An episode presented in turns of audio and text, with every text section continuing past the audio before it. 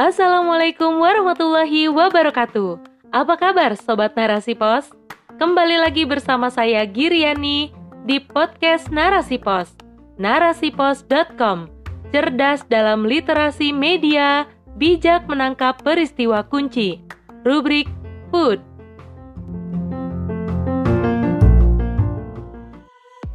Dark Coklat bikin mood buster oleh Wening Cahyani. Coklat bikin mood buster, kok bisa ya? Tahu nggak sih, Allah Subhanahu wa Ta'ala menciptakan segala sesuatu memiliki khasiat tertentu, termasuk coklat ini. Coklat adalah jenis makanan yang berasal dari biji tanaman kakao, yang salah satu jenisnya adalah coklat hitam atau dark chocolate. Sebelum kita kupas manfaat coklat yang bisa bikin mood buster, kita simak dulu yuk serba-serbi tentang coklat. Tanaman kakao atau Theobroma kakao bisa hidup di iklim tropis panas pada lintang 20 derajat dari khatulistiwa. Tanaman kakao bisa berbuah dan dipanen sepanjang tahun karena tanaman ini tidak mengenal musim. Tanaman ini dibudidayakan di dalam hutan, sehingga biji kakao disebut sebagai hasil hutan non-kayu. Gangguan yang menyerang tanaman kakao adalah sejenis serangga, famili Miridae dan jamur dari genus Phytophthora. Dalam setiap buah kakao, terdapat 30 hingga 50 biji. Sebelum biji kakao diproses menjadi coklat, biji kakao ini dibungkus oleh kulit yang tebal, sekitar 3 cm. Daging buah kakao disebut pulp yang mengandung gula, dan membantu proses fermentasi biji kakao sekitar 5 hingga 8 hari. Biasanya biji kakao asli berwarna putih setelah mengalami fermentasi dan pengeringan oleh sinar matahari, berubah menjadi keunguan atau merah kecoklatan. Tanaman ini asli benua Amerika, di kaki pegunungan Andes di basin, Sungai Amazon dan Orinoco, Amerika Selatan. Kemudian meluas ke Amerika Tengah, kakao ini merupakan komoditi penting dan menjadi minuman para raja dan bangsawan saat itu yang diberi vanila dan rempah-rempah. Kakao ini menyebar ke Eropa dan oleh Spanyol dibudidayakan ke wilayah jajahannya seperti Asia Tenggara dan Afrika Barat. Akhirnya, berkembang pesatlah kakao di Indonesia sekitar abad 19 sampai 20. Menurut food historian Fadli Rahman, pada abad ke-15, coklat terkenal di Spanyol dan wilayah koloninya. Coklat menjadi hadiah istimewa di kerajaan saat pertunangan Putri Maria Teresia dari Spanyol dengan Raja Louis XIV dari Prancis pada tahun 1643. Di Prancis, coklat terkenal mengandung zat kimia afrodisiak yang digunakan untuk merangsang daya seksual. Nama zat ini diambil dari mitologi Yunani dewa cinta Aphrodite. Tak heran jika coklat menjadi pilihan hadiah saat Valentine's Day sebagai lambang cinta.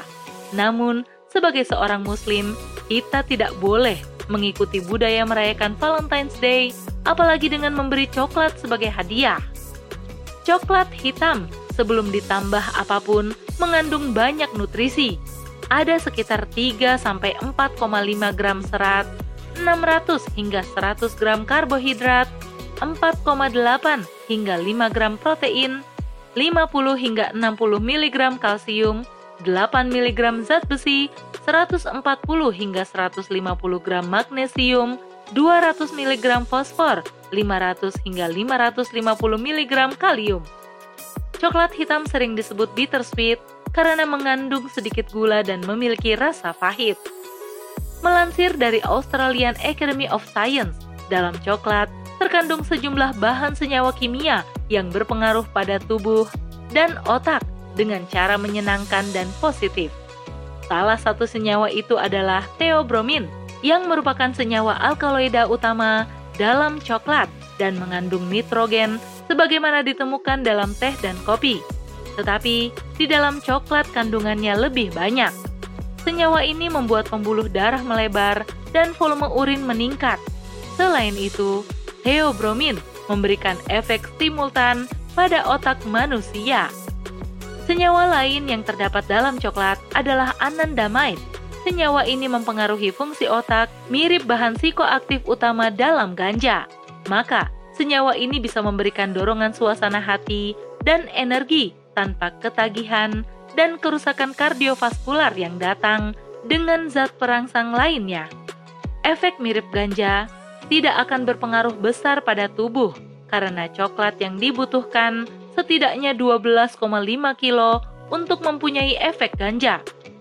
Selain mengandung dua senyawa di atas, coklat mengandung peniletilamim yang berfungsi meningkatkan suasana hati juga. Senyawa ini akan dimetabolisme di dalam tubuh menjadi serotonin. Kandungan ini berfungsi mencegah depresi. Nah, kalau kita berada di tengah kesibukan dan ingin suasana hati yang tenang, maka coklat bisa dijadikan sebagai camilan. Meskipun makan coklat bisa memberikan rasa tenang dan bahagia, namun, kita harus membatasi jumlahnya. Kadang-kadang, kalau sudah keasikan makan coklat, susah rasanya untuk berhenti. Kemudian, apa efek samping jika terlalu banyak makan coklat? Menurut Reed Caldwell, dokter gawat darurat dari New York University Langon Medical Center, biji coklat mengandung theobromin yang membuat rasa coklat sedikit pahit. Jika jumlah theobromin berlebih, akan menyebabkan detak jantung semakin cepat hilang nafsu makan, berkeringat, gemetar, sering buang air kecil, dan sakit kepala parah atau migrain. Kejadian yang lain ketika kebanyakan makan coklat adalah keracunan yang ditandai dengan perut mual dan muntah. Untuk manusia, theobromin dianggap beracun jika sudah mencapai dosis 1000 mg per kilogram berat tubuh dan kandungan theobromin dalam setiap coklat yang diolah berbeda-beda tergantung dari tambahan dan jenis coklat yang digunakan. Meskipun coklat tidak sampai memberikan efek beracun, tetapi kadar gula dalam coklat yang berlebihan bisa menyebabkan diabetes, obesitas, dan sakit gigi. Coklat memang ada manfaat dan efek sampingnya. Agar aman dan terhindar dari resiko dari efek samping makan coklat, berikut beberapa tips aman mengkonsumsi coklat. 1. Pilihlah coklat hitam yang kadar kakaonya 70 hingga 85 persen. 2. Hindari terlalu banyak mengkonsumsi coklat susu karena tambahan gula atau sakarin dan mengandung banyak lemak. 3. Hindari menambahkan susu skim ke dalam minuman coklat. 4. Batasi konsumsi coklat setidaknya hanya 20 gram tiap harinya. 5. Perhatikan nilai gizi yang tertera pada kemasan coklat batang atau bubuk coklat sebelum mengkonsumsinya. Periksakan ke dokter jika mengalami gejala-gejala tertentu setelah mengkonsumsi coklat, misalnya pusing, mual, dan muntah. Hal ini bertujuan agar segera mendapat penanganan yang tepat dari dokter. Demikianlah, Allah Subhanahu wa Ta'ala telah menciptakan apa-apa yang ada di bumi untuk dimanfaatkan. Allah Subhanahu wa Ta'ala kuasa menghidupkan bumi setelah tandusnya dan mengeluarkan biji-bijian untuk dimakan sebagaimana firman Allah dalam surah Yasin ayat 33 yang artinya dan suatu tanda kebesaran Allah bagi mereka adalah bumi yang mati atau tandus. Kami hidupkan bumi itu dan kami keluarkan darinya biji-bijian. Maka biji-bijian itu mereka makan. Wallahu a'lam bishawab.